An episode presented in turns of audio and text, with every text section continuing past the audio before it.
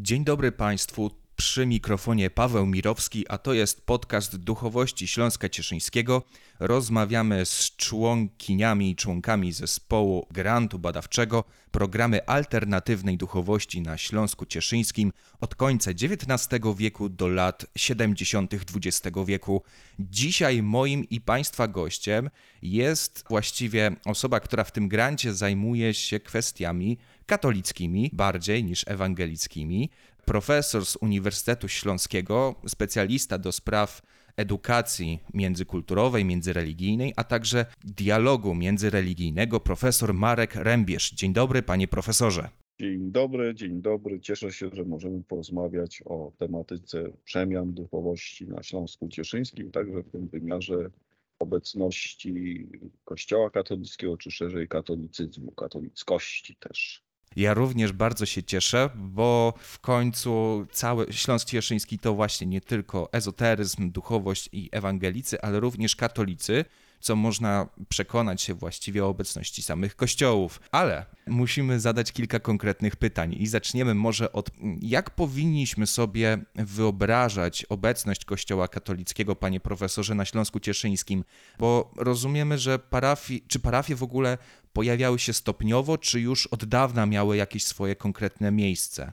E, jeśli popatrzeć na strukturę parafii e, na Śląsku Cieszyńskim, to dzisiejsza struktura parafii, jeśli się spojrzy na mapę parafii dekanatów rzymskokatolickich na Śląsku Cieszyńskim i teraz pytanie, czy tylko po jednej stronie Olzy, czy na całym Śląsku Cieszyńskim, czyli po obu stronach Olzy, ale ograniczmy się do Śląska Cieszyńskiego, mieszczącego się w granicach obecnie Rzeczpospolitej Polski i obecnego na terenie diecezji bielsko-żywieckiej to ta mapa parafii jest bardzo współczesna. Parafii, które powstawały, które w latach, od lat 70.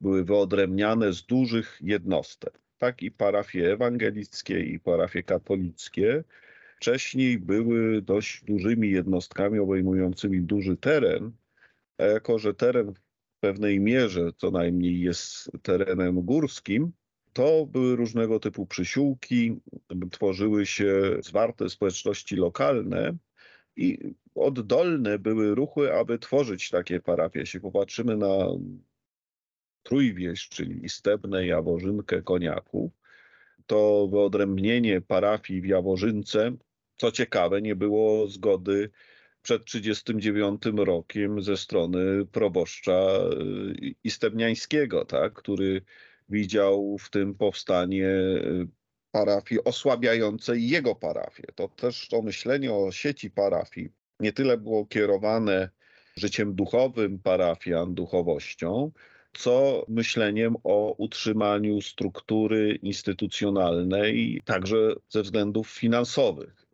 I powstawanie parafii na Śląsku Cieszyńskim, ta dynamika powstawania, którą dzisiaj widzimy, jest y, zagadnieniem bardzo ciekawym jest to zagadnienie związane z jednej strony z oddolnymi działaniami ludzi, którzy chcieli mieć swoje parafie, być zorganizowani w swoich parafiach, a nie być w wielkich parafiach, gdzie no, byli tylko jednym z pobocznych przysiłków, z pobocznych miejscowości oddalonych od kościoła ta kwestia bliskości jest tu ciekawym zagadnieniem. I to samo w Kościele Ewangelista Uzburskim powstanie z dużych jednostek, dużych parafii obejmujących czasami kilka miejscowości też się przyczyniło do e, powstania e, zagęszczonej sieci parafii. To też sposób oddziaływania ruchów ewangelikalnych, powstawania ich kaplic, ich zborów przyczynił się do dynamizacji, do dynamiki.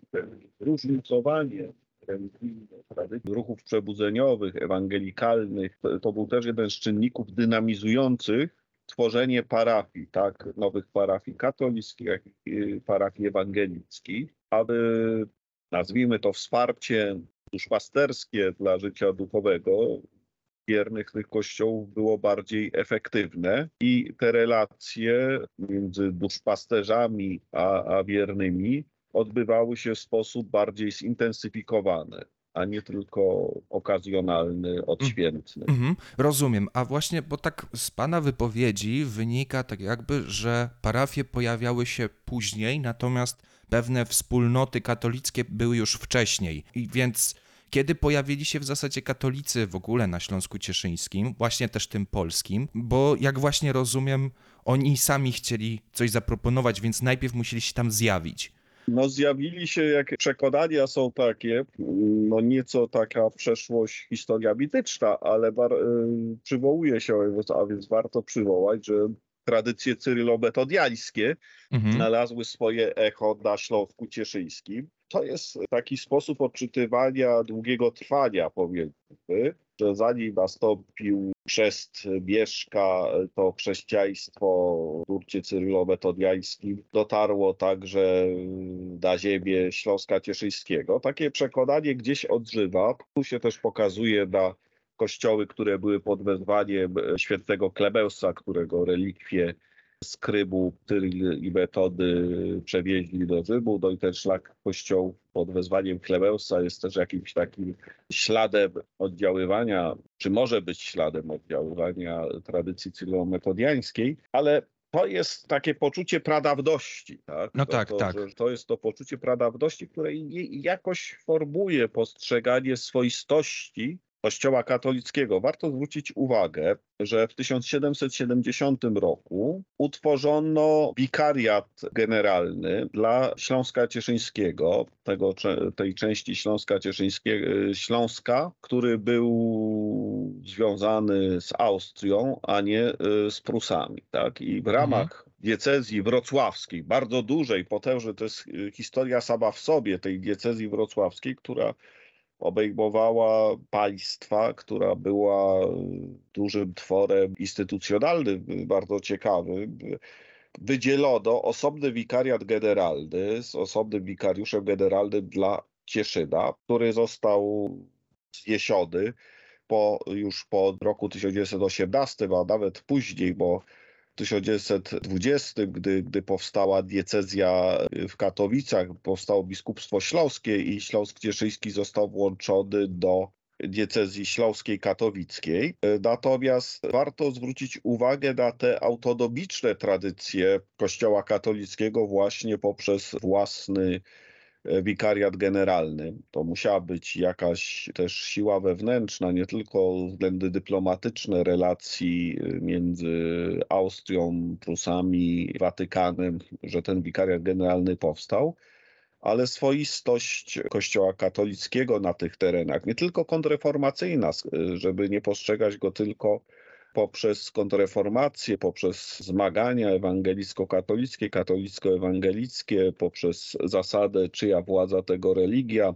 Tu działy się pod tym względem y, bardzo ciekawe procesy, warte z nowymi narzędziami, które dostarczają badania historyczne, rozeznania i opisania. I ten wikariat generalny, który trwał blisko 150 lat, był takim fenomenem swoistym dla tych terenów.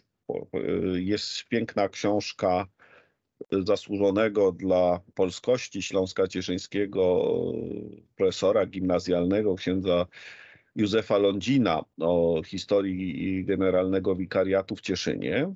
I można przytoczyć pierwsze zdanie z przedmowy, które już wiele mówi. Książka powstała w 1926 roku, wydana w Cieszynie. I utworzony w 1770 roku generalny wikariat po powstaniu biskupstwa śląskiego w Katowicach przestał istnieć. Jest rzeczą pożądaną, by słów Pisma Świętego wychwalajmy Bełże chwalebne. A żeby y, generalnym wikariuszom w liczbie dziesięciu przynajmniej krótkie wspomnienie poświęcić. Zasługują oni w zupełności na choćby skromną biografię, bo pomiędzy nimi znajdują się rzeczywiście stosunkowo wielu dzielnych ludzi, którzy nie tylko około kościoła położyli wielkie zasługi, ale także opiekowali się gorliwie szkolnictwem i instytucjami społecznymi i z powodzeniem jako pisarze na polu kulturalno-oświatowym działa. Chciałbym Hmm. zwrócić uwagę, bo w tych kilku zdaniach wstępu Józef Gloń zasłużony także dla polskiego ruchu narodowego na, na Śląsku Cieszyńskim uchwycił coś istotnych cech katolicyzmu, katolickości na Śląsku Cieszyńskim, a więc szkolnictwo, instytucje społeczne i pisarstwo na polu kulturalno-oświatowym. Podkreśliłbym to, że tu na tych terenach rozwijał się ponadparafialny e, ruch społeczno-katolicki, ruch oświatowo-katolicki, e, ruch czytelniczy, no i wydawniczy. I tutaj warunki Śląska Cieszyńskiego to był świat, w którym panowało słowo pisane, w którym była książka, w którym analfabetyzm był szczęśliwie w dużej mierze przezwyciężony. Nie można przykładać miary z innych regionów Polski, gdzie analfabetyzm był niestety częstokroć dominujący. Tutaj był on bardzo małym stopniu, na szczęście w małym stopniu obecny, a książka, czytelnictwo było bardzo rozbudowane i ruch społeczny, ruch oświatowy był rozwinięty na dużą skalę. Skąd inąd możemy powiedzieć, że zróżnicowanie wyznaniowe, tradycyjne wyzna zróżnicowanie wyznaniowe Śląska Cieszyńskiego od czasów reformacji sprzyjało takiemu ruchowi oświatowemu, ruchowi społecznemu, wydaniu katolickim, gdyż różnorodność wyznaniowa pobudzała do aktywności. To, to jest ta cecha swoista Śląska Cieszyńskiego, jakby popatrzeć na duchowość katolicką, to ona z końcem XIX, początkiem XX wieku jest y, taką duchowością o wymiarze pragmatycznym, zaangażowania w życie codzienne, pod, podnoszenia efektywności oświaty, podnoszenia efektywności gospodarowania. To jest duchowość codzienności nastawiona na efektywne działanie. O tym statuty różnych instytucji, które miały w nazwie katolickie, czytelnie katolickie, zaświadczają, że nie chodziło tutaj o wyzdaniowość zamkniętą tylko do rozwoju jakiejś formy religijności, ale o działalność oświatową, o podnoszenie poziomu kultury y, y, rolniczej, kultury działalności gospodarczej, możemy szerzej powiedzieć. I ta aktywność wydarzała się właśnie poprzez czytelnie, poprzez podnoszenie jakości szkolnictwa, które było przy parafiach. Jeśli damy sobie przykład Ustronia, no to jedna szkoła była przy parafii katolickiej, druga była przy parafii ewangelickiej. To i tak bardzo ciekawe, że katolicy mimo wszystko zależało im na tym, żeby jednak nie odstępować, bo właśnie to trochę zaskoczyło mnie to. Mówi się często o edukacji ewangelickiej społeczności, gdzie dbano o edukację, a pan profesor tutaj zwraca uwagę, że czytelnictwo też u katolików było również rozwijane i to, to kształcenie było ważne dla tych e, wspólnot katolickich. A ja właśnie chciałbym wrócić jeszcze do jednego wątku, bo było napomniane już troszkę wcześniej. Panie profesorze, co można powiedzieć o stosunkach katolicko-ewangelickich w tym regionie, mm, właśnie w tym czasie, tam koniec XIX wieku i też ten wiek XX? Znaczy się, to jest, znowu możemy się do anegdoty z Ustronia odwołać, kiedy jest opis sytuacji y, w opowieściach takich ustnych, że proboszcz ewangelicki z proboszczem katolickim spotykali się na grę w karty, żeby z sobą porozmawiać, tak, przed 39 rokiem. A po 39 i proboszcz ewangelicki, i proboszcz katolicki stali się więźniami obozów koncentracyjnych i gdy popatrzymy na to, co wydarzyło się po wejściu Niemców w 1939 roku, to widzimy eksterminację tak duchowieństwa ewangelickiego, jak i duchowieństwa katolickiego. Gdy wejdziemy do kościoła Marii Magdaleny w Cieszynie, takiego jednego z głównych kościołów, nazwijmy to katolickich na y, ścisłym Śląsku Cieszyńskim, to mamy tablicę upamiętniającą zamordowanie przez Niemców w obozach koncentracyjnych znamienitych duchownych, o których, którzy mieli tytuły doktorskie, byli profesorami licealnymi.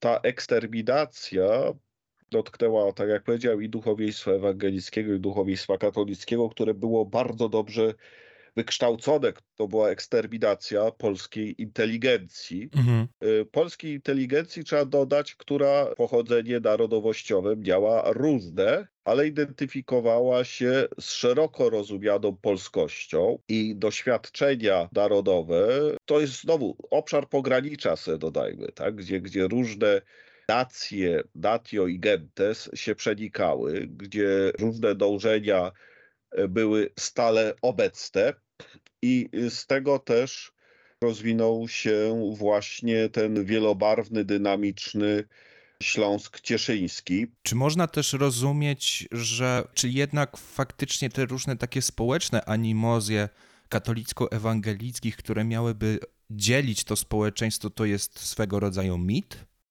Powiedziałbym tak, y, że y, animozje się zdarzają zawsze i niekoniecznie muszą, czasami są one związane ze zróżnicowaniem wyznaniowym, natomiast samo zróżnicowanie wyznaniowe nie musi generować animozji. Mhm. Z tego, że animozje mogą się wydarzać, powiedzmy sobie, między księżmi katolickimi równie dobrze wewnętrznie, gdzie nie ma zróżnicowania wyznaniowego, jest zróżnicowanie interesów czy preferencji jakichś ideowych.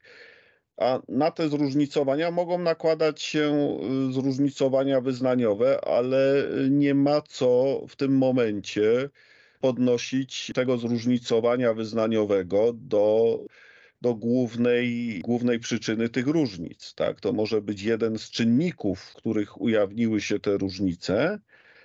E, Natomiast no, warto patrzeć na to szerzej, nie antagonizująco, natomiast jako na to zróżnicowanie wyznaniowe, jako na siłę kulturotwórczą, także i w Mhm. zakresie na przykład edukacji. Tak? Zróżnicowanie narodowościowe też bardzo wyraźne na Śląsku Cieszyńskim, które było, które też było dość wyraźne i ta polskość Śląska Cieszyńskiego również była swoistą polskością, nie do końca rozumianą przez Polaków z zewnątrz. Tak? To, to tutaj ta, te wiele różnic wymaga bardzo subtelnych odróżnień, tak? Rozumiem. żeby ich nie zatrzeć.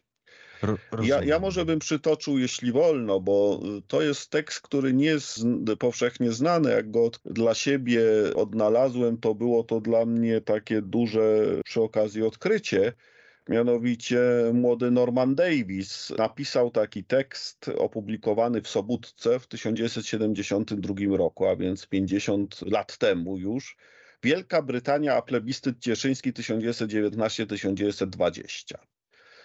I warto przytoczyć, jak Norman Davis, dziś powszechnie znany historyk, tak, wówczas młody historyk wchodzący w badania nad y, dziejami Polski właśnie z punktu widzenia zaangażowania Wielkiej Brytanii, także w ten plebiscyt cieszyński lat 1919-1920. Tam on zawarł w tym tekście taką tezę, Unikalną pozycję Cieszyna w środkowej Europie stworzyło wspólne oddziaływanie geografii i historii.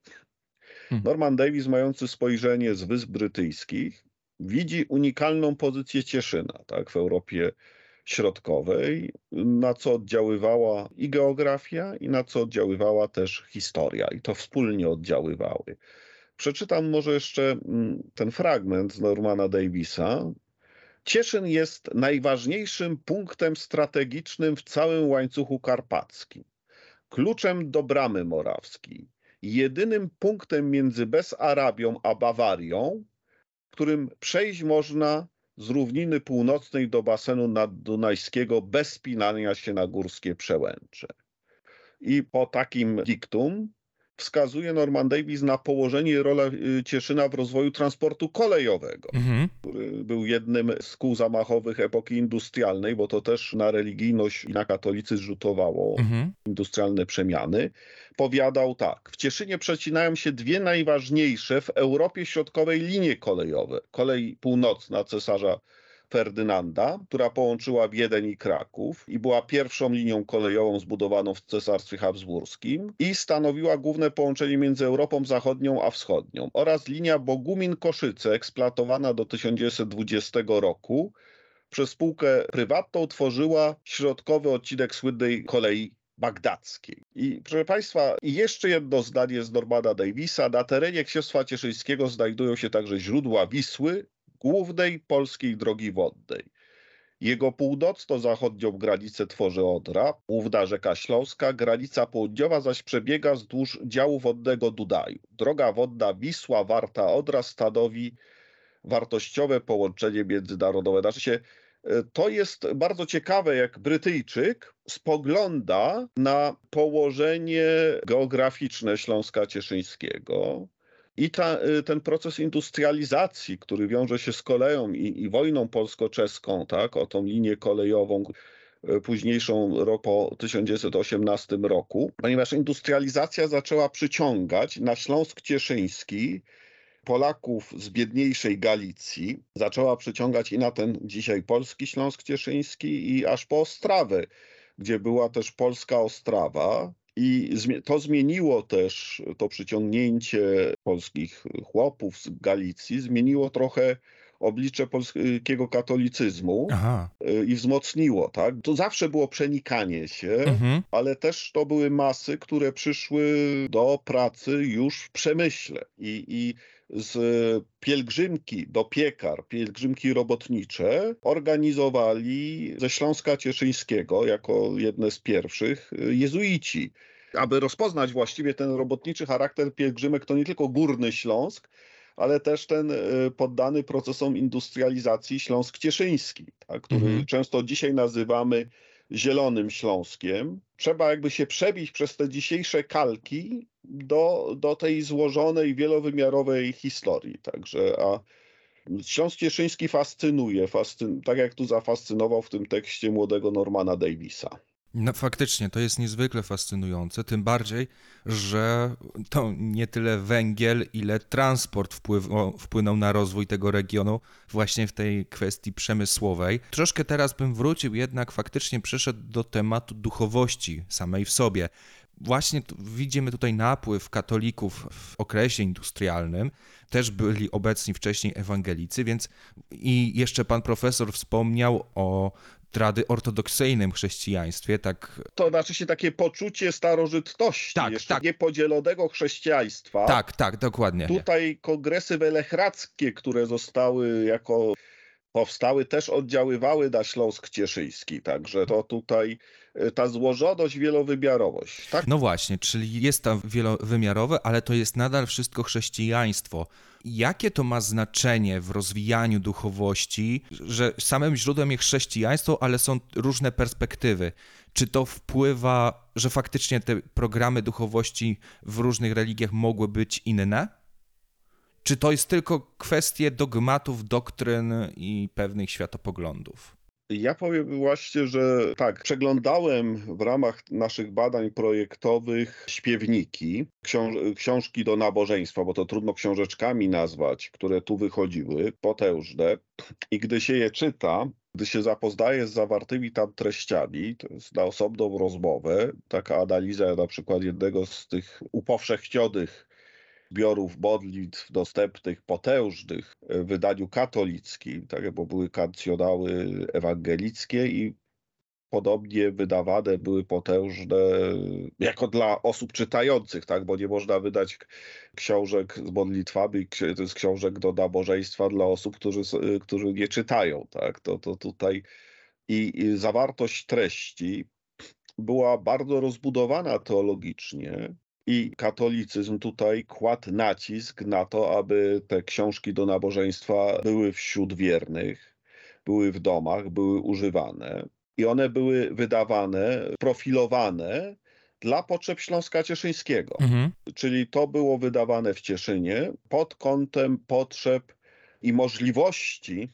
tak, przyswajania tych treści, które były o wiele większe możliwości na Śląsku Cieszyńskim niż gdzie indziej, dlatego te książki do nabożeństwa były rozbudowane, a modlitwy mm, były, powiedziałbym, bardzo klasyczne. Ta duchowość rzymskokatolicka nie była taką duchowością ludową, ckliwą. Mhm. Była pogłębiona intelektualnie. Przynajmniej tak zaświadczają te będące w powszechnym użytku książki do nabożeństwa których treści intelektualne, y, nauczanie odgrywa istotną rolę. I to nie na zasadzie apologetycznej, konfrontacyjnej, że ewangelicy myślą tak, a katolicy tak, ale jest to na zasadzie przekazu y, tradycji chrześcijańskiej i rozbudowanej. Tak? To, Mhm. to, to, to jest, mnie to zaskoczyło. Ja słyszałem tutaj o tych modlitewnikach, nazwijmy tak, bo to trudno nazwać książeczkami do nabożeństwa. A brewiarze?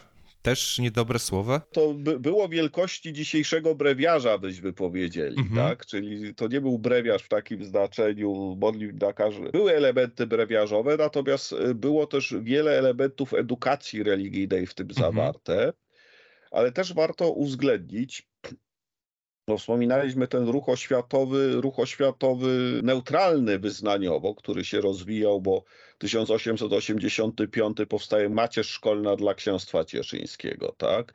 Mhm. E, Powstaje Polskie Gimnazjum Prywatne w 1895. Organizuje się biblioteki i czytelnie, także te wyznaniowe. Powstają towarzystwa pedagogiczne. I w Ustroniu powstaje Polskie Kółko Pedagogiczne w 1888 roku, później w Cieszynie Polskie Towarzystwo Pedagogiczne, które wydają swoje czasopisma, wydają Tak, miesięcznik tak. pedagogiczny. I tutaj to wszystko się wzajemnie dopełnia. W 1904 roku mamy wykłady uniwersyteckie w Cieszynie, organizowane przez Towarzystwo Pedagogiczne Księstwa Cieszyńskiego, gdzie wykłada mm, Kazimierz Twardowski, lwowski rektor Uniwersytetu Lwowskiego, ma wykład inauguracyjny, on korespondencję prowadzi. Tutaj te różne nurty życia intelektualnego, aktywności społecznej, aktywności oświatowej się przenikają. I jednym z tych uczestników y, jest właśnie katolicyzm, katolicyzm społeczny Księstwa Cieszyńskiego, później Śląska Cieszyńskiego. Mhm. Wow. Też mnie zaciekawiło to, że pa, pan profesor wskazał, że bardziej pieśniami kształcono tę duchowość niż konkretnymi tekstami, ale to był ruch pogłębiony, to działanie pogłębione, bardzo interesujące. No, od razu mi przyszło do głowy, kto śpiewa dwa razy się modli. No to tak, tutaj chóry to bardzo trafna intuicja, że tradycja chórów katolickich, ewangelickich, e, Mhm. także miejskich, e, była rozbudowana. Także organizacja chórów, do dzisiaj zresztą są konkursy chórów, ta tradycja śpiewania, tradycja Mhm. śpiewacza Śląska Cieszyńskiego była bardzo mocno rozwinięta, także w tych nurtach religijnych, katolickim, ewangelickim. I to było bardzo istotne, ponieważ to nadawało pewien y, szlif kultury wyższej, tak, y, Mhm. tym sposobom zachowań religijnych. I dbano o to, aby dyrygenci rozwijali zdolności śpiewacze. To, to, to taki ważny nurt dziejów życia religijnego na Śląsku Cieszyńskim. Rozumiem. E, Otwierasz nową perspektywę na postrzeganie Śląska Cieszyńskiego, gdzie katolicyzm rozwijał się już przynajmniej w tym XX wieku. Wcześniej jeszcze to widmo pewnie tej kontrreformacji jako tako jest obecne. Natomiast czy właśnie chciałem Cię zapytać o Twoje badania związane na temat tego katolicyzmu. Badania katolickiej formacji duchowej na ziemiach cieszyńskich będzie bardzo trudne, aczkolwiek właśnie teraz jak słyszę, to chyba nie było to aż tak trudne, ponieważ przedstawiłeś nam ogrom wiedzy. To może i tak, co było najtrudniejsze, albo co przyniosło najwięcej kłopotów oraz co okazało się takie mało problematyczne w Twoich pracach badawczych, w badaniu formacji duchowej katolików na ziemiach cieszyńskich? Czyli takie graniczne punkty w Twojej pracy badawczej. Graniczne punkty. Pod To względem jeśli trudności. można to, żeby być wiernym dokumentom, to sięgnę po coś, y, co w jakiejś mierze oddaje swoistość właśnie tego życia duchowego. Jest rok 1909. Zostaje opublikowany Statut Polskiego Związku Niewiast Katolickich w Księstwie Cieszyńskim w Cieszynie, rok 1909. y, 1909. Mhm. I przeczytajmy sobie cel, bo to oddaje jakby swoistość tej duchowości Śląska Cieszyńskiego. Celem związku, Polskiego Związku Niewiast Katolickich w Księstwie Cieszyńskim jest szerzenie chrześcijańskich zasad w rodzinie i życiu publicznym, obznajomienie z obecnymi prądami i potrzebami społecznymi, i praca nad społecznym odrodzeniem i narodowym uświadomieniem polskiej ludności na Śląsku Cieszyńskim. Urządzanie naukowych i powszechnie potrzebnych wykładów, jako też uroczystości i przedstawień teatralnych. Urządzanie zgromadzeń dla omawiania gospodarczych spraw wydawanie, popieranie i rozpowszechnianie czasopis i rozpraw, zakładanie czytelni i bibliotek, e, wsparcie od wypadku do wypadku.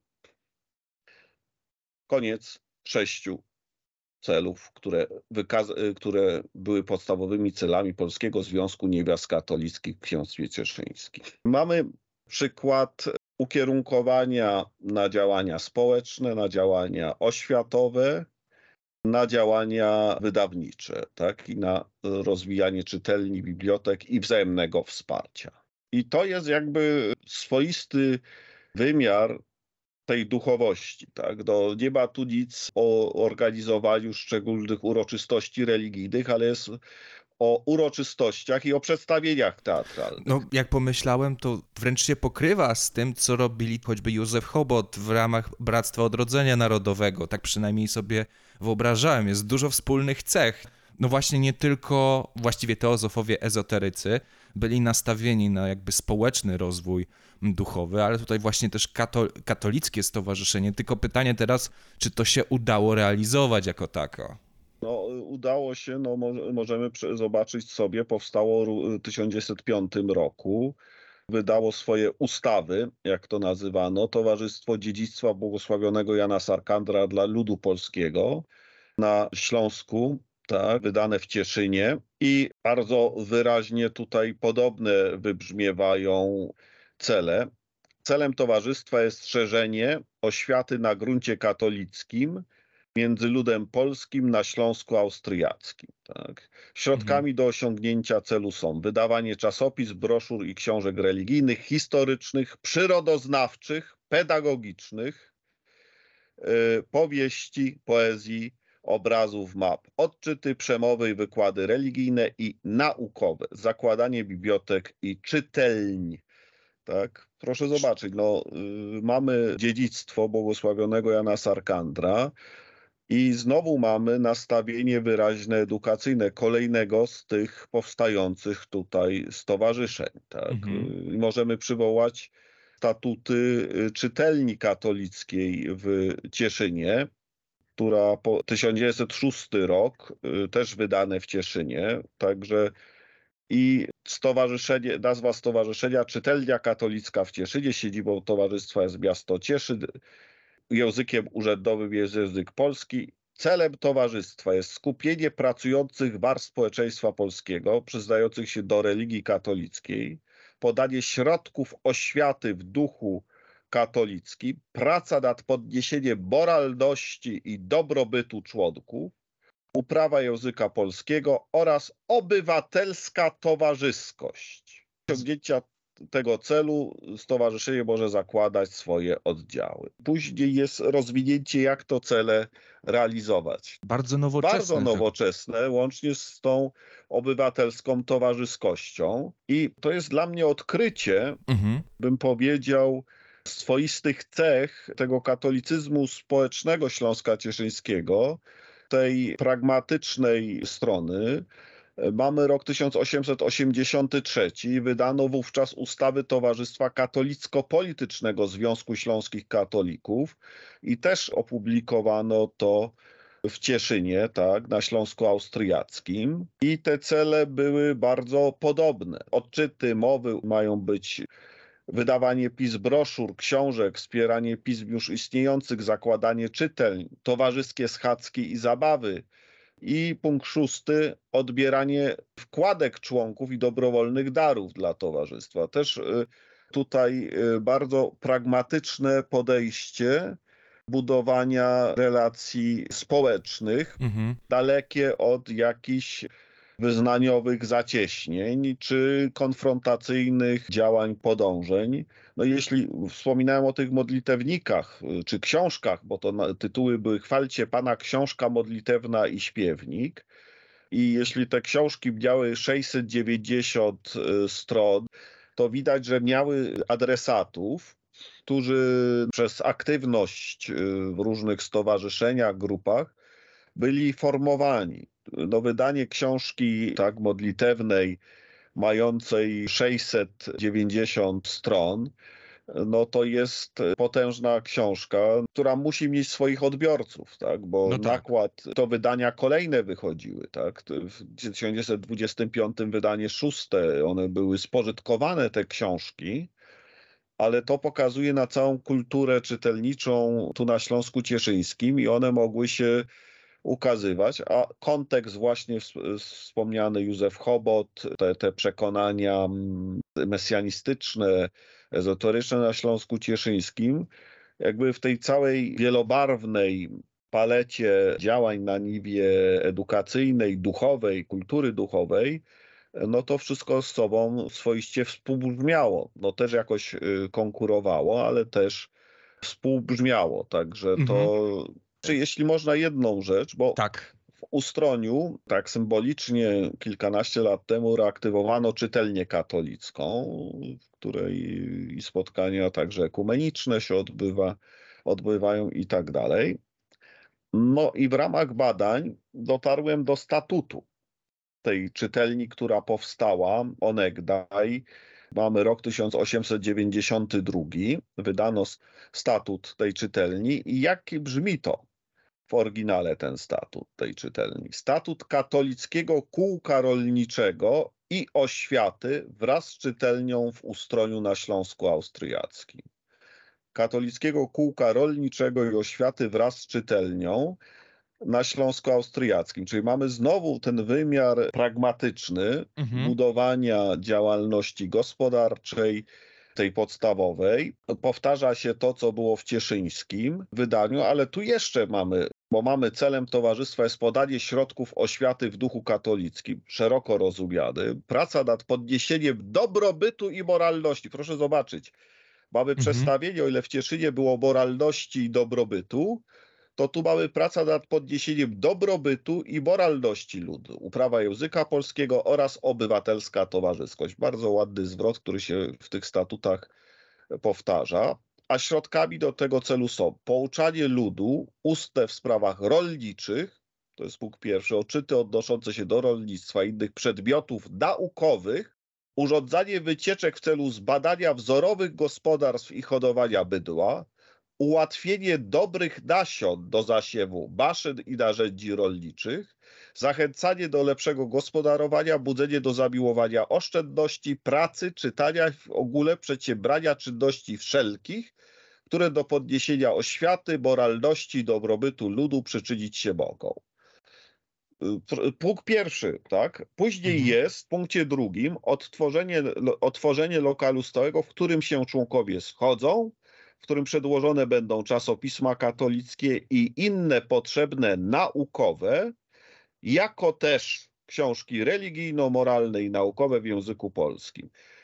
Nie mamy tutaj nic zacieśnionej wizji takiego bigoteryjnego katolicyzmu, tylko bardzo szeroki oddech społeczny, połączony z myśleniem o formacji religijno-moralnej, ale która jest jakby wpleciona w tą formację oświatową, gospodarczą, ekonomiczną dnia codziennego. To Rozumiem. jest y, taki swoisty rys y, duchowości, na który warto, myślę, y, ja chcę na to zwrócić jeszcze wyraźniej uwagę, bo ten katolicyzm społeczny, duchowość społeczna, która na Śląsku Cieszyńskim była dość konsekwentnie w wielu postaciach rozwijana, nie jest zaakcentowane to, jak, się, jak chyba to zasługuje i, i na takie pogłębione rozpoznanie. Rozumiem, rozumiem. No i właśnie, i pytanie na zakończenie, ponieważ pan profesor wspomina o datach, które sięgają jeszcze końca XIX wieku, praktycznie dosłownie początku XX wieku,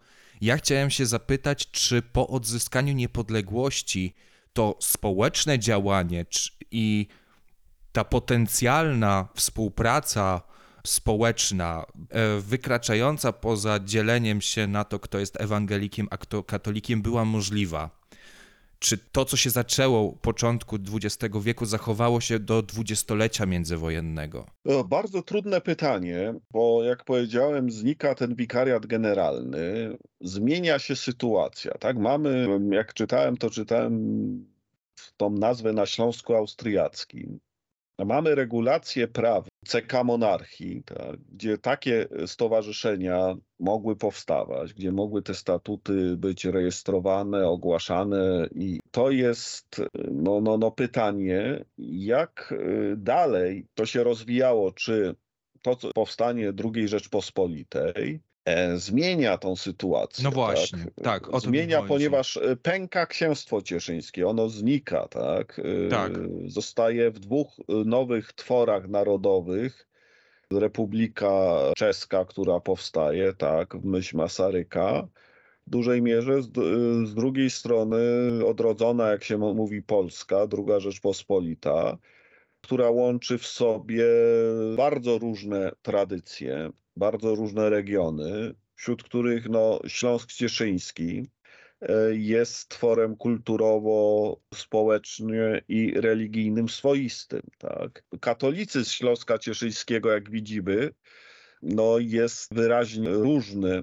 Społecznie nawet się nasuwa takie wartościujące określenie, że dojrzalszy niż wielu innych regionów, tak, które tej drugiej Rzeczpospolitej. Pytanie teraz, czy te regiony dorastały do tego katolicyzmu społecznego, do tej duchowości, w tym dobrym słowa znaczeniu pragmatycznej Śląska Cieszyńskiego, czy odnosiły się z niezrozumieniem i sprowadzały do jakby niższego poziomu mniej dojrzałego ten katolicyzm Śląska Cieszyńskiego? To, to, jest, to jest wielkie pytanie. Tak?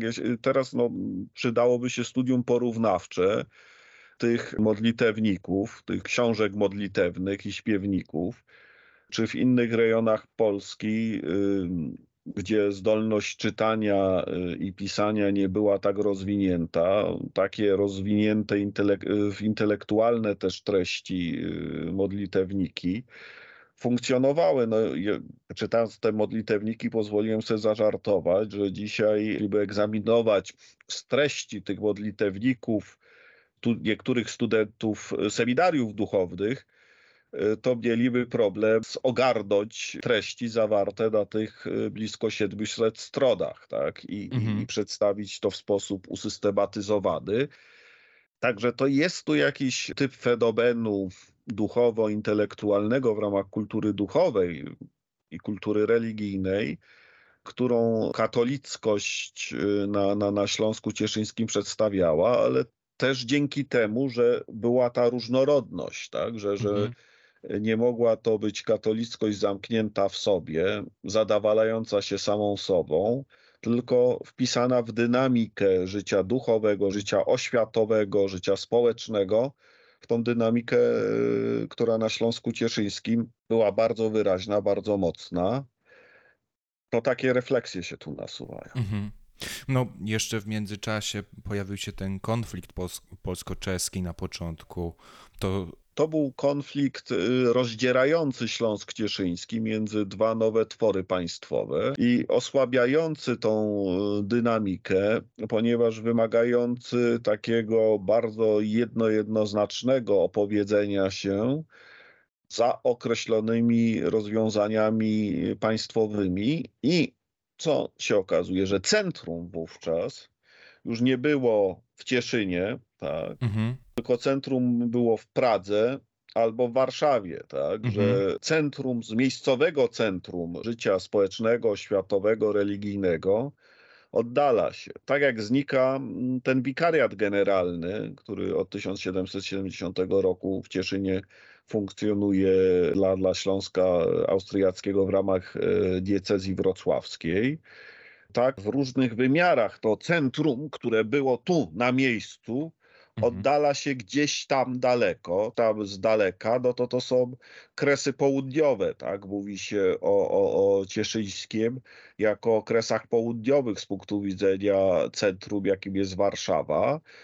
Ten opis, który Norman Davis dostrzegł, tak? Takiego też y, e, miejsca przepływu, nie jest tak dostrzegany. Może jest potrzebny ktoś na miarę Normana Davisa właśnie dzisiaj, żeby odkryć, opisać te, te walory mm, Śląska Cieszyńskiego. To jeszcze ja, ja przystępując do badań, jakoś y, nie wiem czemu zakładałem, że gdzieś będzie opisana y, historia, że, że oprę się na zebranych badaniach historycznych usystematyzowanych, a tu się okazuje, że to, to jest jeszcze przed nami, tak? ponieważ Mhm. no, ten dorobek życia duchowego, życia religijnego, także w wydaniu katolickim, jest na tyle bogaty, że wymaga badań immanentnych na, wewnątrz tych treści, które są tu z dokumentami tego życia duchowego, religijnego w wymiarze i społecznym, i oświatowym, i gospodarczym, ale wymaga też badań komparatystycznych, żeby wyostrzyć te cechy swoiste katolicyzmu na Śląsku Cieszyńskim w ramach owej różnorodności doświadczeń duchowych, doświadczeń religijnych, tradycji, nurtów życia duchowego, życia religijnego. Rozumiem, czyli jeszcze potrzeba nie tylko naszego grantu, ale i kolejnych lat badań na tak, odkrycie, mamy, co, na mamy nad odkrycie czym pracować. na odkrycie tego regionu na nowo. Szanowni Państwo, musimy zakończyć tę niezwykle fascynującą rozmowę.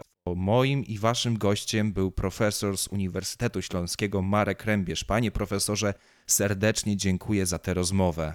Dziękuję pięknie za możliwość wypowiedzi. Dodam, że pracujący w ośrodku w Cieszynie, także że Uniwersytet Śląski w Katowicach Jak ma najbardziej. również swój kampus cieszyński Tak. z bogatymi tradycjami y, życia intelektualnego i akademickiego, jak już wspomnieliśmy, też sięgającymi roku 1904 i wykładów y, uniwersyteckich organizowanych przez Polskie Towarzystwo Pedagogiczne w Księstwie Cieszyńskim. Dziękuję Jak- pięknie za uwagę. Jak najbardziej. Uniwersytet Śląski ma swoją jednostkę w Cieszynie. Jeszcze raz do następnego razu. Dziękuję pięknie.